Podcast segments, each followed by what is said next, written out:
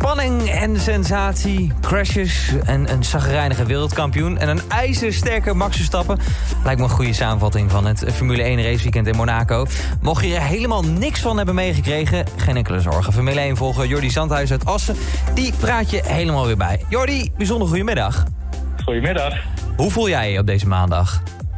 Nou ja, we hebben een stukje geschiedenis meegemaakt. Hè? Voor de eerste Nederlander uh, aan kop in het uh, WK van de Formule 1. Ja, fantastisch hè. Want uh, laten we even beginnen bij het begin. een, een enerverend raceweekend was het daar. toch voor de meeste coureurs in de Formule 1. Een soort van thuiswedstrijd lijkt me ook hè? Ja, klopt. Het grootste deel van de coureurs die, eh, die woont daar. Die denken, nou, het is een mooi plekje, altijd warm. En, uh, nou ja, en ze wonen allemaal bij elkaar. Dus gaan samen fietsen en trainen en doen. Dus dat, uh, ja, voor heel veel is het toch een soort uh, thuisrace. Mm -hmm. Thuisrace, een, een, een stratencircuit daar in Monaco. Um, en een, een, bijzonder lastig circuit. Um, ja. dat bleek al wel bij de kwalificaties, toch? Ja, inderdaad. Uh, Charles Leclerc die, uh, die had uh, pole position al in, in handen in principe. Al waren Max, Max Verstappen en Valtteri Bottas op dat moment nog wel bezig met een snellere ronde. Leclerc dacht ik zet ook nog maar een keer aan. Misschien kan ik er nog wat van de tijd afsnoepen. En nou ja, bij de, bij de chicane, bij het zwembad in, in Monaco, daar, daar ging het mis. En dan raakte de binnenkant de vangendeel en schoot door. Nou ja, dan ben je een passagier en eindig je in de muur. En nou ja, toen was de sessie voorbij, rode vlag en ja, toen had hij zijn pol veilig gesteld. Dat was het misschien niet helemaal de manier uh, waarop hij het had gewild. Nee, dat snap ik. Er was daarna ook veel kritiek. Want uh, er kwam een verhaal van, van, van Schumacher van jaren geleden kwam, kwam weer naar boven... dat hij een keer daar ook opzettelijk zijn, zijn bolide in de muur had gezet... Om, om te voorkomen dat iemand nog over de tijd heen zou komen.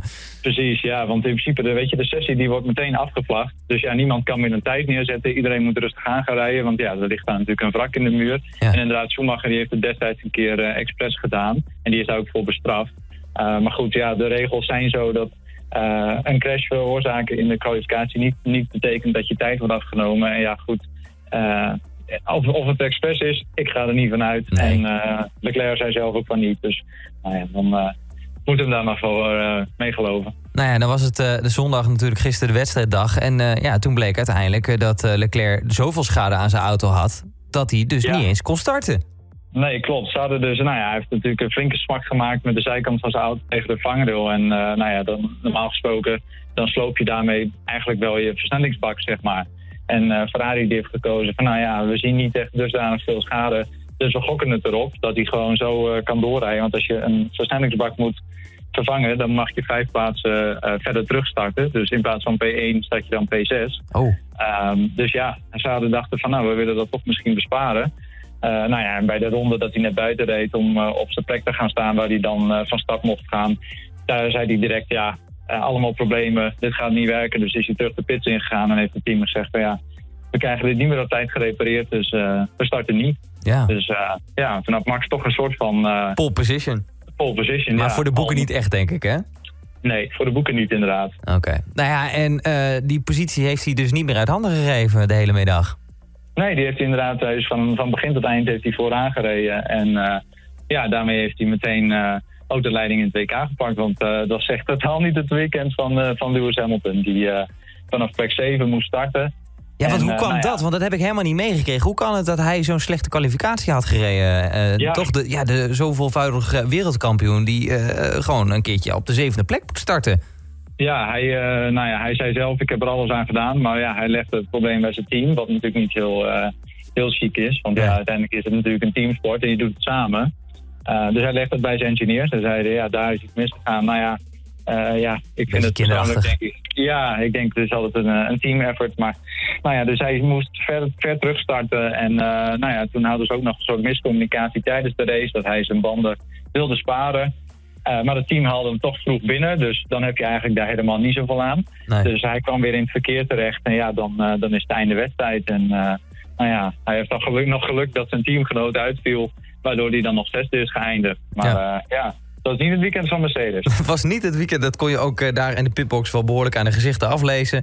En, ja, en het, het, het, levert uiteindelijk een, een ja, historisch uh, moment op. Want dit is de eerste keer in de geschiedenis dat een Nederlander het wereldkampioenschap aanvoert, om het zo maar te zeggen. Ja, precies. Dus Max die heeft nu vier punten voorsprong op Lewis Hamilton. Waar we natuurlijk al de afgelopen weken toen het niet zo lekker liep en Max niet echt kon winnen, dachten we van nou ja, zal het toch niet weer zo zijn dat we de rest van het seizoen gewoon tegen winnaar Lewis Hamilton aan zitten te kijken. Maar ja, nu wordt het ineens toch weer spannend. Al vertekent Monaco ook altijd wel weer een beetje, want ja, het is natuurlijk niet per se een Mercedesbaan. Dus ja, maar goed, het is in ieder geval een historisch moment. De eerste Nederlander uh, aan kop in het WK. Dus uh, ja, laten we hopen dat dit het uh, begin is van een mooie rest van het seizoen. Een mooi jaar. Ja. Ja, ja wat, wat, voorspel je? Wat zegt dit nu over deze stand? Wat zegt dit nu over de rest van het seizoen? Het, ja, het kan alle kanten natuurlijk gewoon nog op gaan. Ja, het kan wat dat betreft nog alle kanten op. We gaan nog naar een heleboel circuits waar, waar Mercedes gewoon normaal gesproken ontzettend snel is. En, uh, en gewoon voor de winst kan gaan. Dus uh, ja, we zullen moeten zien hoe uh, Red Bull zich ontwikkelt. En dan, dan hopen we op kansen van Max. We ja. gaan het zien. We hebben hem in ieder geval, in ieder geval zitten juichen afgelopen dagen voor de televisie. Tenminste, ik wel. Ja. was hartstikke leuk. Hey, wanneer is de volgende race? Over twee weken gaan we naar uh, Azerbeidzjan, naar Baku. Dus dat is weer een stratencircuit. Oh, spannend. Ja. volgens mij heeft Verstappen daar ook wel goed gedaan, toch? In het verleden, of niet? Nog nooit gewonnen. Ja, al is het natuurlijk wel zo. Het is wel weer hele lange rechte stukken. Dus er is wel weer een normaal gesproken Mercedes circuit. Dus uh, ja, dat wordt, uh, wordt interessant. Over twee weken dus, dan uh, spreek ik jou over twee weken plus één dag. yes, helemaal goed. Hey Jordi, maak er een mooie week van, hè?